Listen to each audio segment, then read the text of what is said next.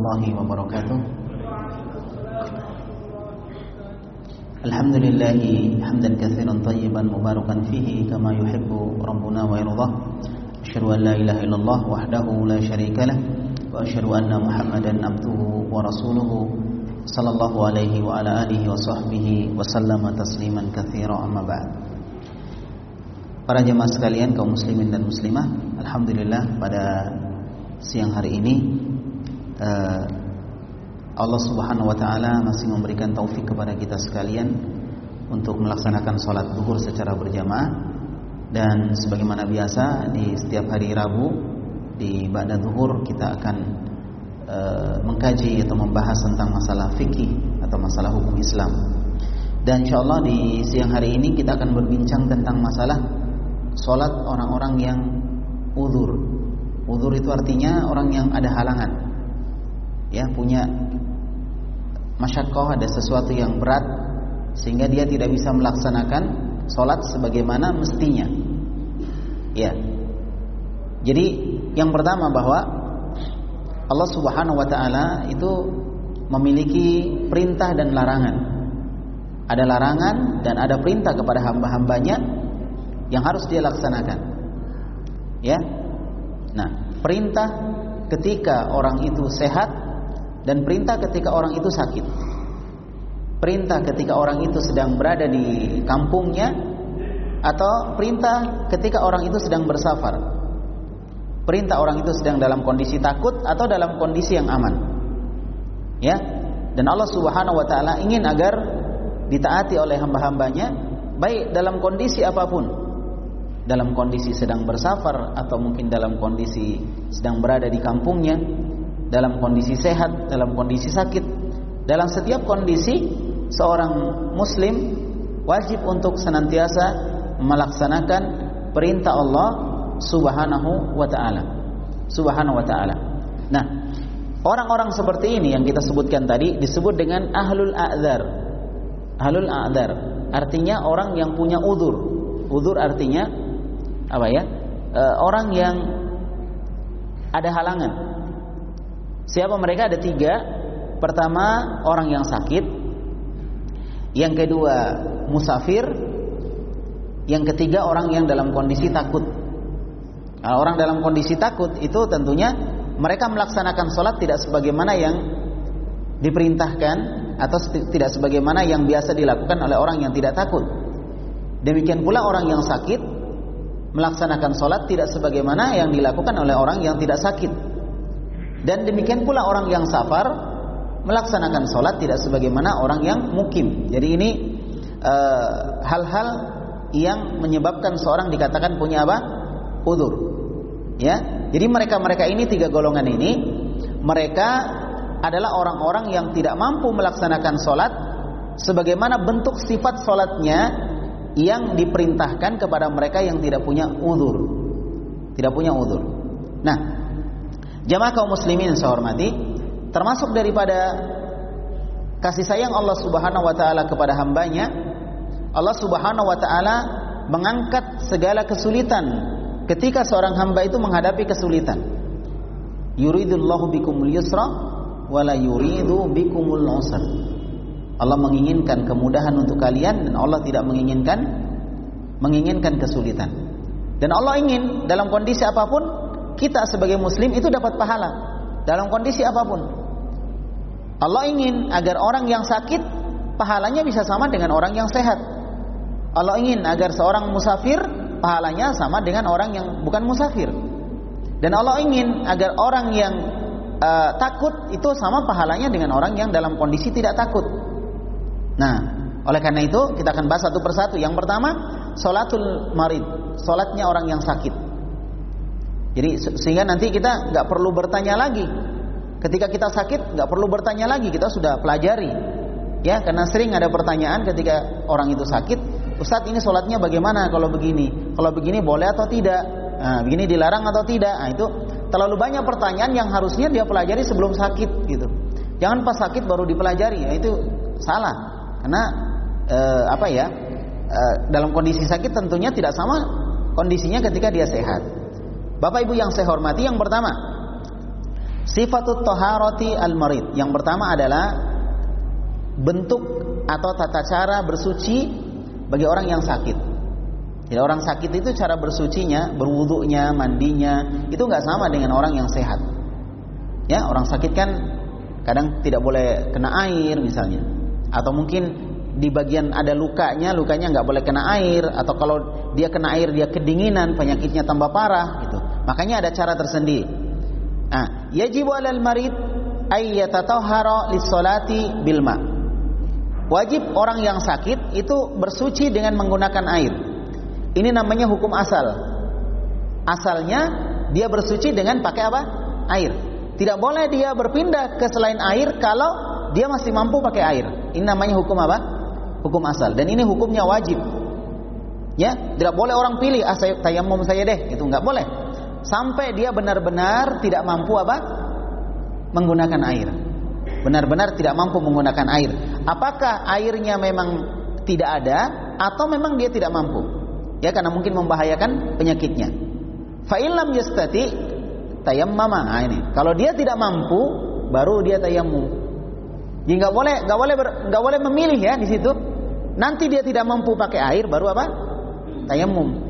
Jadi salah kalau orang memilih ah pilih deh gitu. Mana yang paling enak itu enggak. Jadi hukum asalnya seorang itu pakai apa? Pakai air. Fa'ilam yastati sakotot at-taharah fasallaha sibahali. Kalau tayamum juga tidak bisa, maka dia tetap wajib untuk sholat, wajib untuk sholat, ya, dan gugur kewajiban toharo. Gugur kewajiban apa? Toharo. Jadi nggak bersuci dia karena tidak mampu. Seandainya ada orang tidak mampu tayamum, ya udah gugur, nggak ada tayamum lagi. Wudhu tidak ada, tayamum tidak ada. Tapi sholat tetap wajib. Contoh, orang yang diketeter. Ya kan? Kalau dia sudah tayamum, keluar lagi kencing. Atau najis. Atau dia sudah berwudu, tetap najis. Sudah berwudu, tetap najis. Gimana caranya? Apakah dia nggak sholat? Nggak, dia tetap sholat. Ya, dia berwudu atau dia tayamum, setelah itu dia kena najis karena dia diketeter ya. Kalau diketeter kan terus keluar air kencing ini. Gimana caranya? Ya udah, dia sholat dalam kondisi diketeter. Jangan setiap sholat dicabut gitu ya. Pas mau sholat pasang apa sudah sholat pasang lagi. Mau sholat dicabut lagi. Waduh bisa mati kewalahan orang ya. Nah ini tentunya memberatkan masyakoh. Al masyakoh tajlibut taisir itu dalam usul fikih. Ya sesuatu yang berat akan mendatangkan kemudahan. Nah ini tadi. Jadi kalau misalnya ada orang diketeter, jangan dipaksa, dilepas misalnya, jangan. Biar aja terpasang keteternya, kemudian dia tetap sholat dalam kondisi seperti itu. Jadi sudah ya. Jadi orang yang sakit, apa yang harus dia lakukan dalam bersuci? Pakai apa? Air. Kalau tidak bisa, tayamum. Kalau tayamum dan air juga tidak bisa, dalam artian dia tetap najis misalnya, maka apa yang dia lakukan? Dia lakukan sesuai dengan kondisinya, sesuai dengan keadaannya. Inilah kemudahan agama Islam. Nah, sekarang kita masuk ke sholatnya. Gimana sholatnya? Bagi orang yang sakit maka dia tetap diwajibkan sholat fardu. Sholat sunnah enggak ya? Sholat fardunya. Dalam kondisi berdiri. Ini kembali ke hukum asal. Dalam kondisi apa? Berdiri. Jadi bukan berarti kalau sakit berarti nggak sholat lagi. Alhamdulillah sakit nggak sholat. Enggak. Dia tetap wajib sholat selama akalnya masih ada. Selama dia masih berakal, dia nggak gila, dia nggak pingsan gitu kan? maka kewajiban sholat tetap ada. Itu yang pertama. Jadi kewajiban pertama seorang sholat itu dalam kondisi apa? Dalam kondisi dia berdiri. Dalam kondisi dia dia berdiri. Nah, jadi Allah Subhanahu wa taala berfirman, "Wa qanitin." Dan berdirilah kamu menghadap Allah dalam kondisi khusyuk. Ini menunjukkan hukum asal sholat itu berdiri, nggak boleh duduk. Hukum asalnya berdiri, tidak boleh apa? duduk kecuali dalam kondisi di mana orang itu boleh duduk. Jadi orang sakit pun berdiri asalnya. Jadi jangan orang sakit mampu berdiri lalu dia sholat sambil duduk. Wah ini salah, nggak benar. Harusnya dia berdiri. Kalau dia mampu apa? Dia mampu berdiri. Ya, misalnya sakit bisul gitu ya, bisulnya di kepala. Bisa kan berdiri? Harusnya dia berdiri. Jangan dia duduk. alasannya kenapa duduk? Karena saya sakit bisul di kepala. Oh ya salah, nggak benar. Dia tetap berdiri. Nah, nanti dia nggak mampu berdiri, baru apa? Baru duduk. Jadi hukum asalnya, hukum asalnya berdiri. Ya, fa illam yastati shalla qaidan mutarabbian. Kalau dia tidak mampu, maka dia sholat sambil duduk, sambil duduk bersila. Jadi duduk bersila. Au ala hayati julusi tasyahud atau dia duduk dengan duduk tasyahud. Jadi ada cara dua duduk ya Pak ya. Kalau kita sholat sakit, kita bisa duduk bersila seperti ini, seperti sekarang yang kita duduk ini, atau duduk seperti tasyahud. Terserah mana yang enak lah kita pilih. Karena Nabi juga pernah duduk bersila ya, tapi e, tidak selamanya seperti itu. Jadi boleh duduk seperti tasyahud, boleh juga duduk apa ber, bersila. Seperti tasyahud berarti seperti biasa tasyahud e, iftirosh ya. Jadi kaki kanan ditegakkan, kaki kiri di diduduki. Taf, e, duduk tasyahud. Ya, yuhni dhahrahu raki'an wa sajida. Kemudian dia merendahkan punggungnya ketika dia rukuk dan sujud.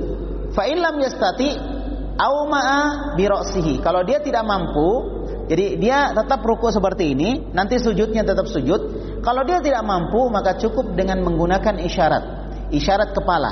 Jadi kepala aja yang gerak sedikit. Oh berarti ruku. Agak banyak sedikit berarti sujud. Walaupun dia nggak sampai sujud. Kalau dalam kondisi benar-benar tidak mampu. Ya, tidak mampu. Nah, bagaimana kalau misalnya orang itu nggak mampu duduk? Berdiri nggak bisa, duduk nggak bisa. Di atas kursi juga nggak bisa. Tadi duduknya eh, pakai apa? Sila atau duduk seperti tasyahud. Ini nggak bisa. Duduk sila nggak bisa, tasyahud nggak bisa. Berarti di atas apa? Kursi. Nah, gimana kalau misalnya dia nggak bisa duduk?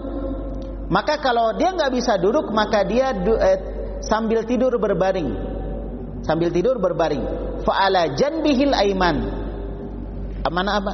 Eh, sisi bagian kanan ini yang dibawa bagian bawah. Berarti menghadap ke mana ya? Eh, kepalanya di sana ya. Kepalanya di sebelah sana utara atau selatan? Utara. Kemudian kakinya di sebelah selatan. Menghadapnya ke barat karena kiblatnya di barat. Kalau kita di Indonesia ya. Nah, cuma kalau kita di negara lain ya beda juga. Intinya eh, apa? Bagian sisi kanannya, lambung kanannya di bawah, bagian bawah. Kemudian kepalanya menghadap ke mana? Ke kiblat. Nah, itu yang pertama. Ya. Kalaupun tidak bisa, kalaupun tidak bisa, fa in alaihi fa alal aisar. Kalau dia tidak bisa, maka dia pakai lambung sebelah kiri. Berarti kepalanya sebelah selatan, kakinya sebelah utara, kemudian dia tetap menghadap ke kiblat. Jadi hukum gitu asalnya seperti itu salat.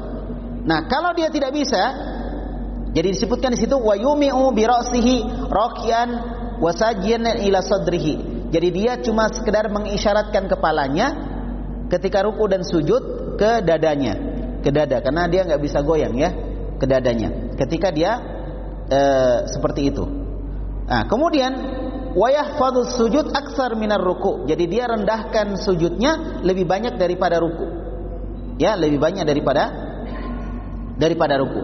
Walahu mislu ajri sahih dan pahalanya sama dengan eh, apa namanya? orang yang sholat dalam kondisi sehat. Ya, kondisi sehat. Nah, jemaah kaum muslimin yang saya hormati dan saya muliakan, kemudian Fa'ilam yastati shalla multafiyan ala dhahrihi wa rijlahu ilal kibla uh, intayassaro. Kalau dia tidak bisa berbaring dengan di sisi kanan atau sisi kiri, maka caranya dia tidur, kemudian kakinya yang menghadap ke kiblat. Kakinya menghadap ke kiblat. Kemudian kepalanya pakai bantal. Kalau bisa dia agak tinggi sedikit supaya dia nanti bisa kasih isyarat. Jadi ketika dia tidur, kakinya menghadap ke mana? ke kiblat, kepalanya menghadap ke ke kiblat juga ya. Ke, kepalanya ke sini sedikit. Jadi kakinya sebelah barat, kepalanya sebelah timur. Gitu caranya. Jangan sampai terbalik. Jadi kita ulang dulu pertama gimana? Kalau tidur lambung kanan, ya kan? Kepala menghadap ke kiblat. Kemudian yang kedua lambung kiri. Kemudian yang terakhir nah baru yang terakhir kaki yang menghadap ke kiblat. Jadi kasih berurut ya, mana lebih gampang, eh, apa mana yang bisa kita lakukan duluan itu yang kita lakukan duluan. Jamaah kaum muslimin yang saya hormati dan saya muliakan. Jadi kondisi seperti itu dia bersandar. Wa illa sallaha kalau dia tidak bisa maka dia sholat sebagaimana kondisinya. Sebagaimana kondisinya, apa pun kondisinya ya begitulah dia sholat sekedar memberikan memberikan isyarat. Ya, memberikan isyarat. Jadi sholatnya Pahalanya gimana? Pahalanya sama dengan orang sehat. Kalau dia biasa sholat. Kalau nggak biasa sholat, nanti sakit dia bertobat baru sholat, ya tentunya beda. Dan pahalanya dia ya nggak sama dengan orang sehat. Pahala orang sehat ini adalah ketika ada orang biasa sholat, ketika dia sehat, pas mau sholat dia sakit, sebenarnya keinginannya dia sholat berdiri, tapi dia nggak bisa. Sholatnya mau wajar tapi nggak bisa, maka pahalanya sama dengan pahala orang yang sehat. Di sinilah keutamaan daripada Islam yang diberikan kepada kaum muslimin, kepada kaum muslimin. Nah, kemudian yang kedua, al-maridu ka ghairihi yalzamu istiqbal al-qiblah. Jadi orang sakit itu sama dengan yang lain. Sama dengan yang lain. Di mana mereka itu wajib untuk menghadap ke kiblat. Menghadap ke kiblat. Nabi wasallam bersabda, "Idza qumta ila shalah jika kalian ingin menegakkan salat faasbigil wudu. Sempurnakan wudu. Thumma staqbilil kiblah fakabbir. Kemudian engkau menghadap kiblat lalu bertakbir. Ini menunjukkan menghadap kiblat itu wajib. Jadi tetap menghadap kiblat. Walaupun sakit tetap menghadap ke kiblat nah jika tidak mampu maka sesuai dengan kondisinya dia mau sholat nggak ada yang bantu suster nggak ada anaknya nggak ada nggak ada yang jaga dia sendiri dia mau bergerak nggak bisa. Sedangkan ini sudah tiba waktu sholat atau mungkin sudah mau habis waktu sholat, maka dia boleh sholat dalam kondisi apa pun yang dia mudah untuk melakukannya. Ya, dia mudah untuk me melakukannya.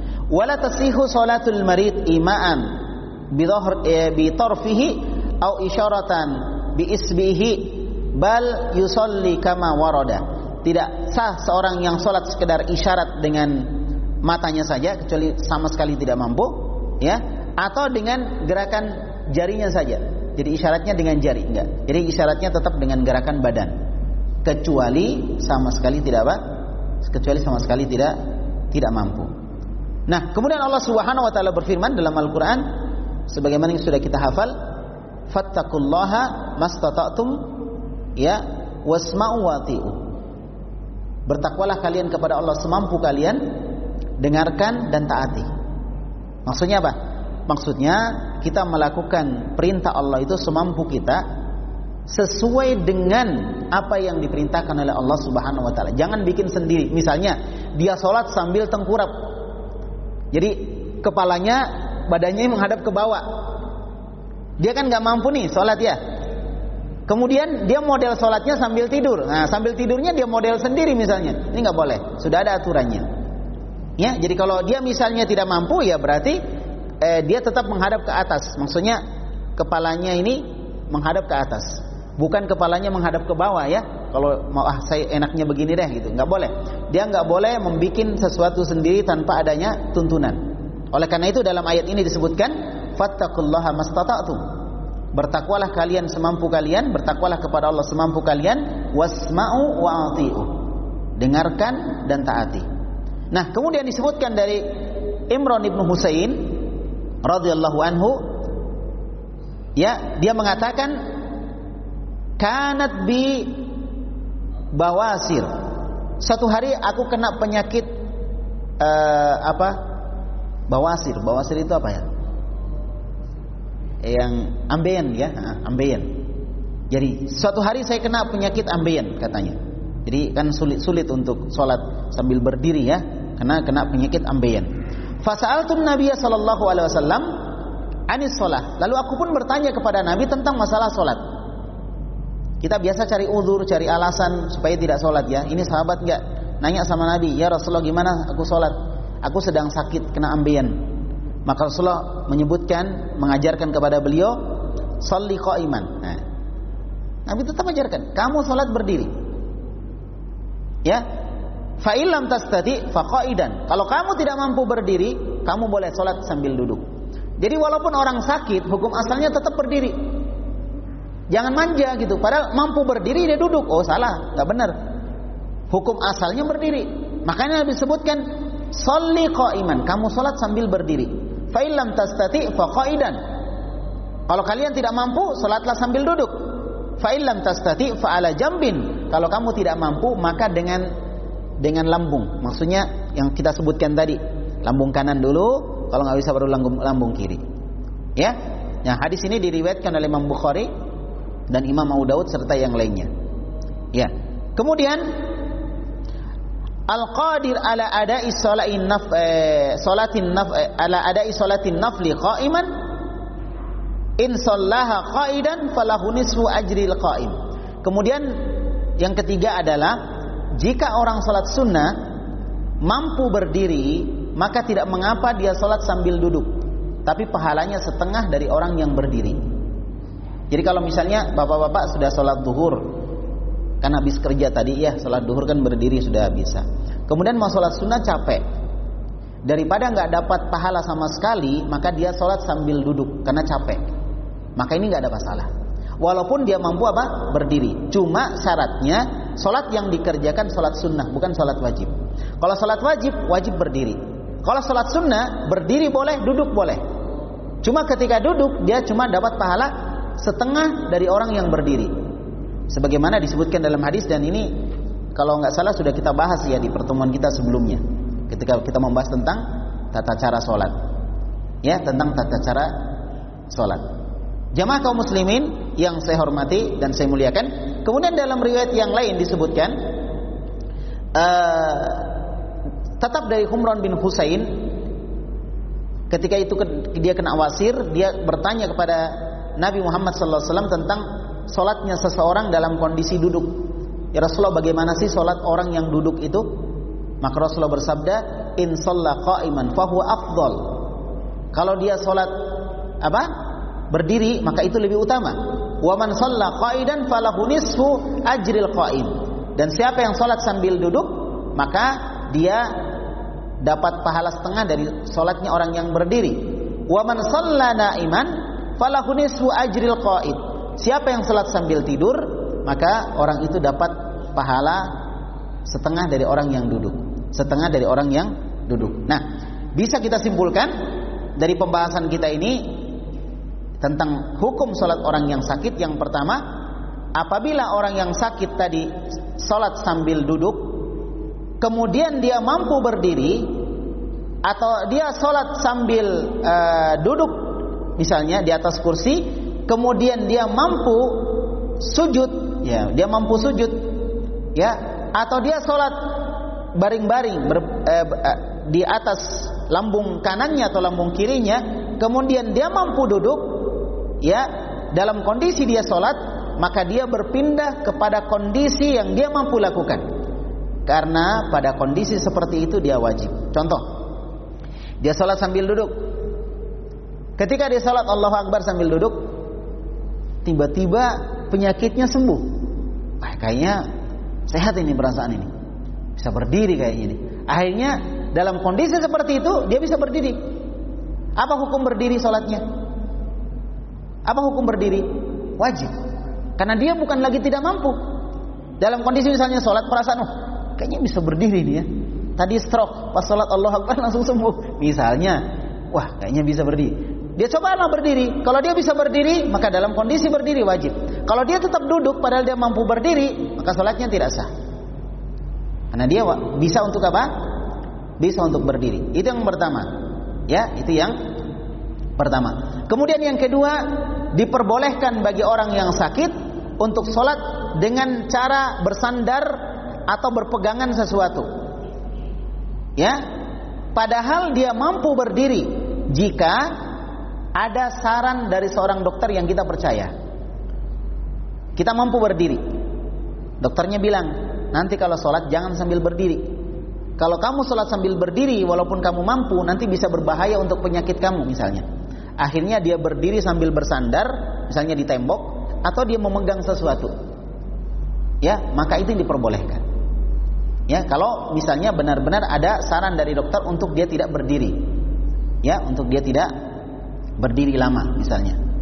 Itu. Jadi kalau ada saran dari dokter, dokter boleh. Kemudian yang ketiga adalah in qadiral maridu ala qiyamin wa qu'udin duna ruku'in wa sujudin au ma'a bi ruku'i qa'iman wa yasjudu qa'idan. Nah, apabila orang yang sakit itu mampu berdiri, dia mampu berdiri dan mampu untuk duduk. Dia bisa duduk, dia bisa berdiri. Ya kan? Akan tetapi dia tidak bisa ruku dan tidak bisa sujud. Kalau dia ruku setengah mati, kalau dia sujud setengah mati. Tapi kalau dia duduk bisa, berdiri bisa. Apa yang dia lakukan? Maka dia ruku dalam kondisi berdiri dengan isyarat. Jadi misalnya dia berdiri bisa.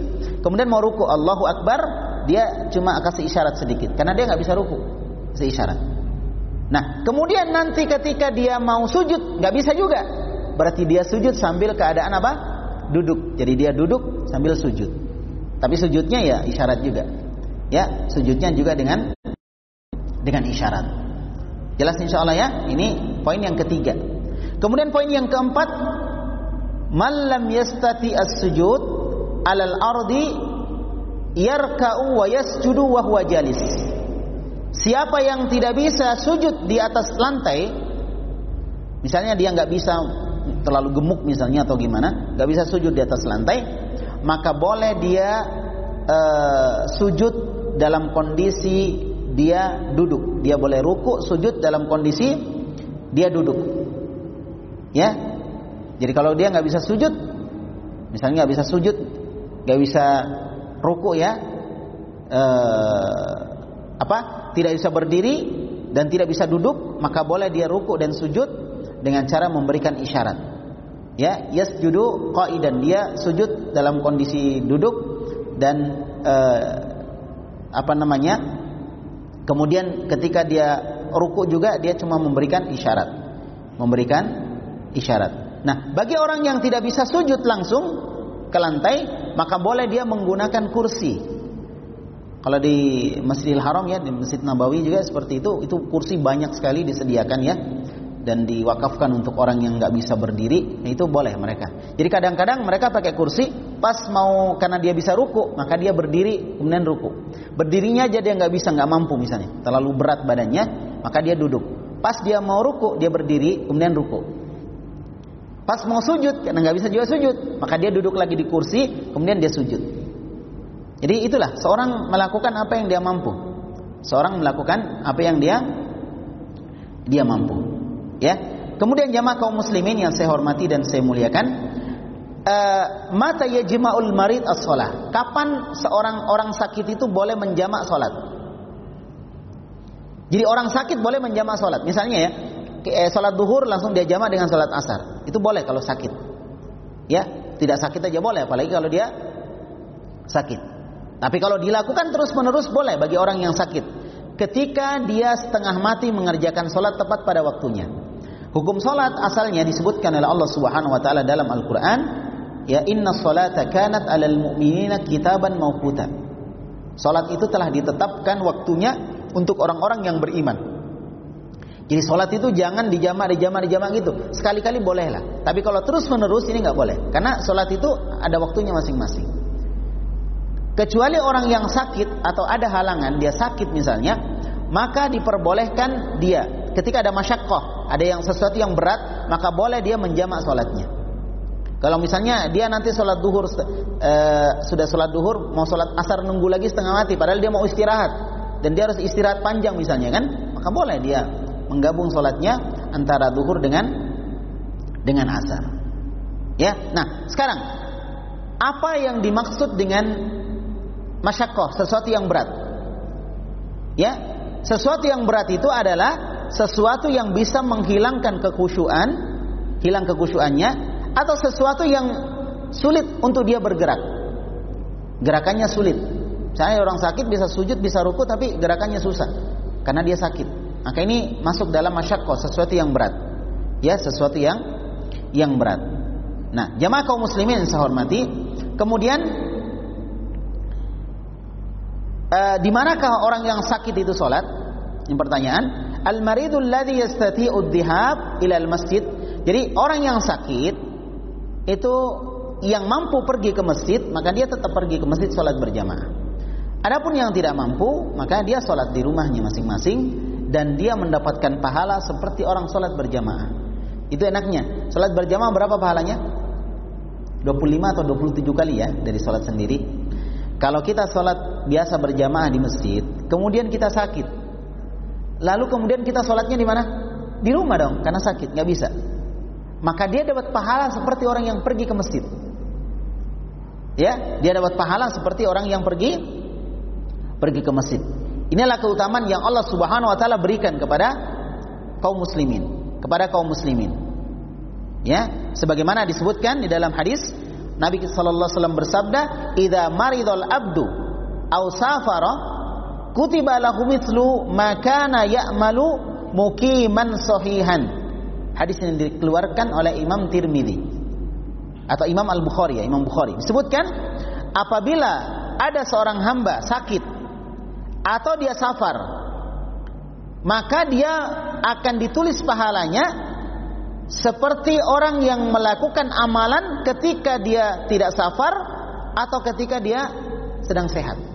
Maksudnya begini, kalau ada orang terbiasa melakukan sholat malam misalnya, kemudian ketika safar melakukan perjalanan, dia setengah mati sholat malam karena mungkin bisnya nggak eh, apa nggak mau berhenti atau gimana dia harus jalan terus gitu. Akhirnya dia nggak sholat malam.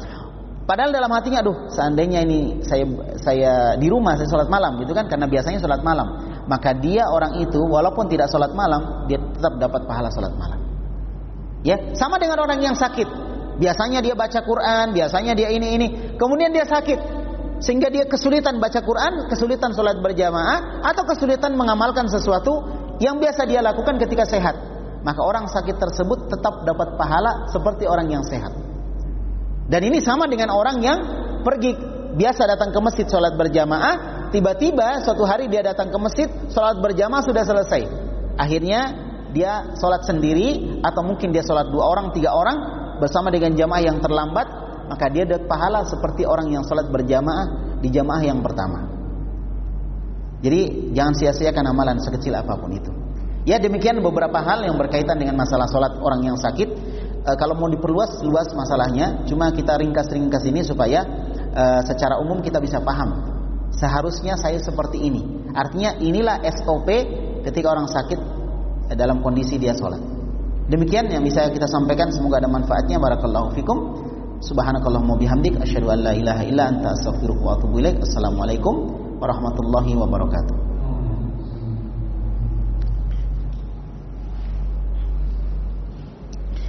Ya langsung saja ya untuk beberapa pertanyaan. Assalamualaikum Ustaz. Waalaikumsalam warahmatullahi wabarakatuh. E, apakah ketika kita masbuk pada sholat yang dijahar, misalnya masbuknya pada rakaat terakhir atau sholat Jumat di rakaat kedua, apakah ketika kita sempurnakan sholat kita, apakah dijaharkan pula bacaan sholat kita? Iya, dijaharkan.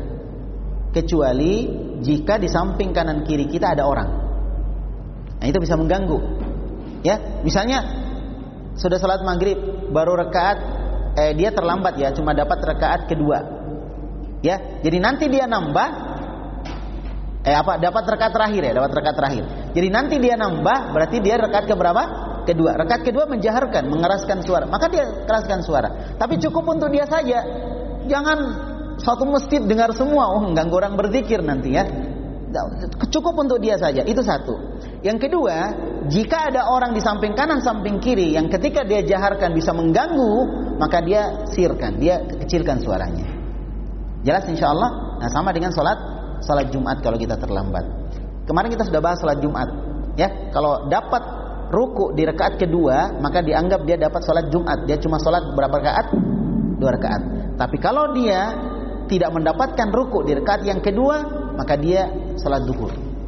Dia sholat duhur. Jadi setelah selesai dia nambahnya tiga rakaat atau empat rakaat gitu. Wallahu alam bishawab. Kemudian ketika kondisi sedang junub di malam hari, pas subuh cuaca sangat dingin dan kondisi badan kurang enak badan, apakah pada uh, ada rukhsah keringanan untuk tidak mandi Ustadz, apakah cukup dengan wudhu? Ya, salahnya juga dingin-dingin dia junub ya. ini masalah juga ini orangnya. Jadi gini, apa nih ya? Gampang kok. Dia tinggal panaskan air, campur dengan yang dingin kan hangat. Atau kalau di rumah ada yang ada warna merah, ada warna hijau itu biasa kita putar-putar pisah hangat, itu aja dipakai. Selesai. Masalahnya apa? Gak ada masalah kan? Jangan tayamum, karena masih ada jalan. Kecuali sama sekali nggak ada jalan. Ini masalahnya dia junub dalam kondisi dingin. Nah ini masalah. Jadi lihat-lihat. Jadi nggak ada masalah mau dingin mau nggak gampang kok. Tinggal dipanaskan air dicampur. Bolehkah kita mandi eh, mandi atau berwudu dengan air yang hangat? Nggak ada masalah. Masalahnya itu ketika ada ulama memang beda dalam masalah air musammas. Bolehkah seorang menggunakan air yang kena sinar matahari? Kemudian dibawa kepada hukum bolehkah berwudu atau bersuci dengan air yang hangat? Itu ada ada pembicaraan di kalangan para ulama. Yang benarnya hukum asalnya boleh.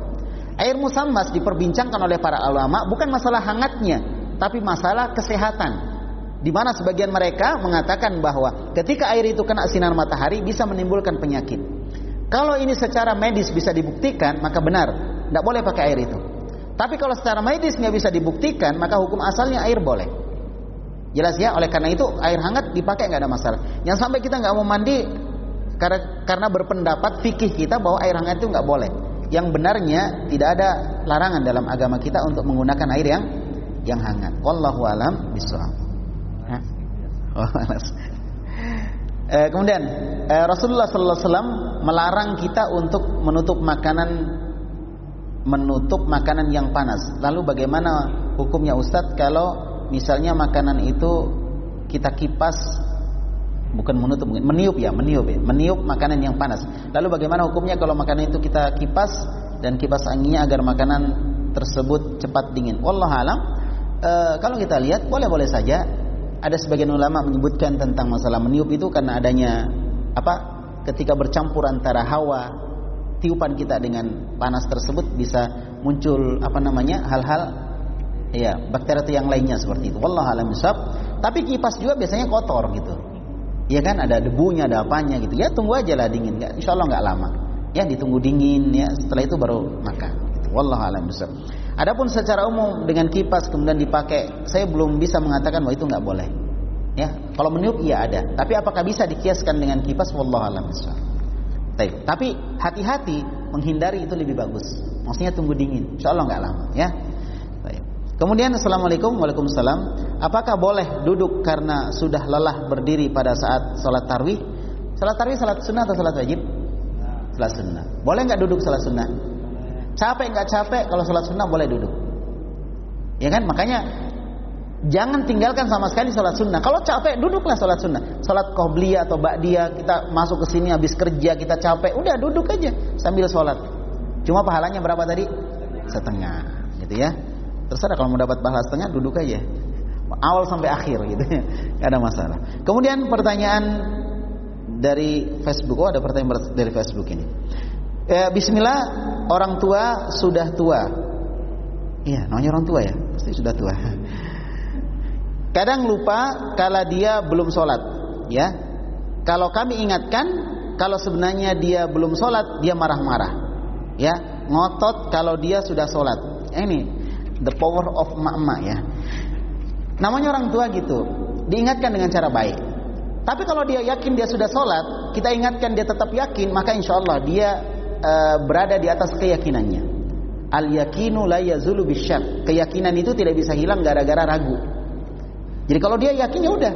Yang penting kita sudah ingatkan dan dia yakin udah. Sama dengan imam, imam salah. Kita ingatkan ngotot imamnya. Ah, saya benar.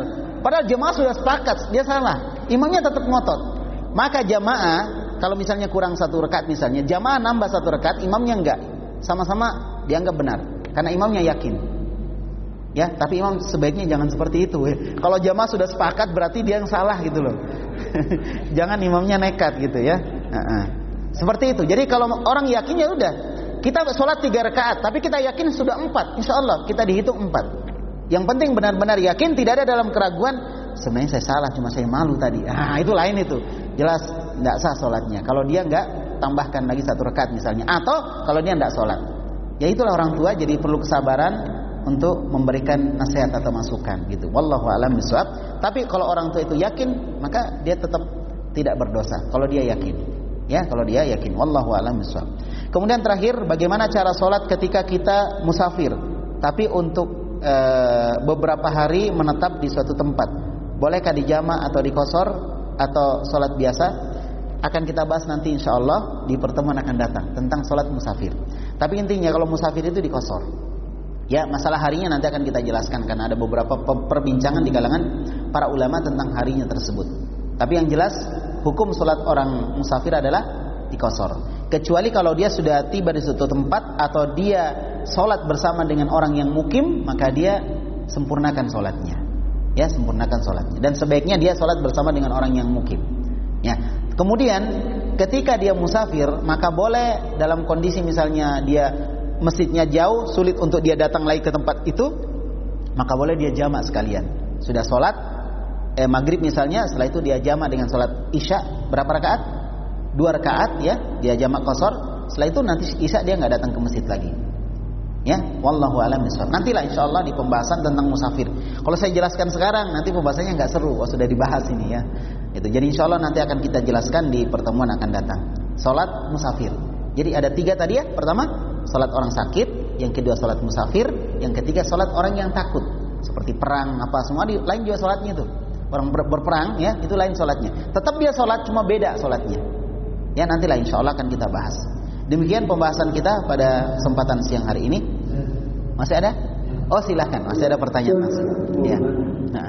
Tadi Pak Ustaz ngomong tentang apa namanya bahwa uh, mau uh, tayamum, mm -hmm. sebenarnya kondisi di mana sudah tidak ada air lagi. Iya iya. Terus tadi juga Pak Ustaz uh, ada pertanyaan mengenai junub ya. Hmm. Uh, uh, ada saya mau tanyakan Pak Ustaz. Ini di uh, apa saya uh, baca bahwa pernah uh, terjadi di zaman Rasulullah. Hmm. Suatu, suatu ketika Rasulullah menunjuk Amr bin As untuk memimpin suatu perang, untuk memimpin pengintaian suatu perang. Di mana Amr bin As ini memimpin Abu Bakar dan Umar. Hmm. Ya. Saat itu kan kalau Rasulullah menunjuk bahwa kau harus memimpin semuanya tidak aku, ikut itu Abu Bakar yang lebih senior, Abu Umar yang lebih senior ya. Hmm. So ketika satu malam uh, Amr bin As mimpi junub hmm. basah. Uh, mereka berdebat. Pokoknya dua dengan bilang saya tidak mau mandi, saya sholatnya, saya mimpi dan saya tayamum dan itu terjadi dan itu disahkan oleh Rasulullah. Bagaimana ini, ini saya pertanyakan di kita Pak Ustaz. Gimana pendapat Pak Ustaz tentang uh, uh, riwayat ini? Jadi dia eh, tayamum. Dalam dia kan ditunjuk oleh Rasulullah. Semua yang ditunjuk oleh Rasulullah untuk memimpin suatu perang hmm. pasti eh, mutlak eh, anunya dan pasti pada saat sholat dia dipimpin sholat. Ah. Hmm. Dia, dia malamnya dia tidur dia tidak mau mandi dan dia hanya tayamum. Padahal air air ada dan dia memimpin sholat. Bagaimana uh, pendapat Pak Ustaz? Riwayatnya ada ini Ustaz. Iya. Nanti dicek dulu riwayatnya tentang riwayat itu. Uh, ini kisah juga diceritakan oleh Khalifah Salama. Pernah di, di, di, ditausiakan oleh Khalifah Salama. Ya ada bisa di Google, bisa di, di, iya, iya. di YouTube. Ya. Uh, pertama bukan saya maksud itu, maksud saya dicek dulu uh, riwayat lengkapnya semuanya, sehingga kita tahu ilahnya di situ. Apa alasan yang paling uh, apa? Yang paling menjadi alasan yang paling tepat dia melakukan seperti itu. Karena hukum asalnya seorang tayamum itu ketika tidak ada air, falan tajidu ma'an fatayammam. Siapa di antara kalian tidak dapat air, tidak dapat air pertama, orang tidak ada air yang dia lihat sama sekali. Kemudian yang kedua, ada air tapi dia tidak bisa gunakan. Apakah karena dia sakit atau satu kendala atau air itu adalah air yang bukan milik dia? Nah, jelas ayatnya menyebut seperti itu. Ya, kemudian juga di zaman sahabat ada memang beberapa kejadian kaitannya dengan masalah tayamum. Ada orang yang tidak sholat subuh Disebutkan dalam hadis Bukhari dan Muslim. Ada orang nggak sholat subuh, ditanya sama Nabi, kenapa kamu nggak sholat subuh? Maka kata kata orang itu, ya Rasulullah saya junub. Maka Rasulullah memerintahkan dia untuk apa? Tayamum. Cukup bagi kamu, tidak ada air ya. Cukup bagi kamu melakukan begini dan begitu. Itu tayamum. Akhirnya orang itu melakukan tayamum. Wallahu alam bisawab. Saya sendiri uh, belum lihat uh, apa namanya riwayatnya secara lengkap nantilah. Mudah-mudahan pekan depan kita lihat atau kita bahas itu sebagiannya sebelum kita masuk kepada sholat musafir ya supaya kita bisa tahu bagaimana penjelasan para ulama kaitannya dengan masalah itu Anggaplah hadisnya ada, tapi kita harus lihat dulu keterangan para ulama bagaimana mengkompromikan hadis ini dengan ayat yang kita sebutkan tadi dan dengan hadis-hadis yang sifatnya umum yang menunjukkan bahwasanya orang yang apa tadi mau tayamum harus benar-benar tidak ada air. Nantilah insya Allah. Wallahu alam bisawab. Ya terima kasih atas masukannya. Nanti insya Allah saya cek secara lengkap riwayatnya. Baik, masih ada yang lain? Silakan. Ada ya? Ya udah. Demikian yang bisa saya sampaikan. Semoga ada manfaatnya. Barakallahu fikum. Subhanakallahumma bihamdik asyhadu an la ilaha illa anta. Assalamualaikum warahmatullahi wabarakatuh.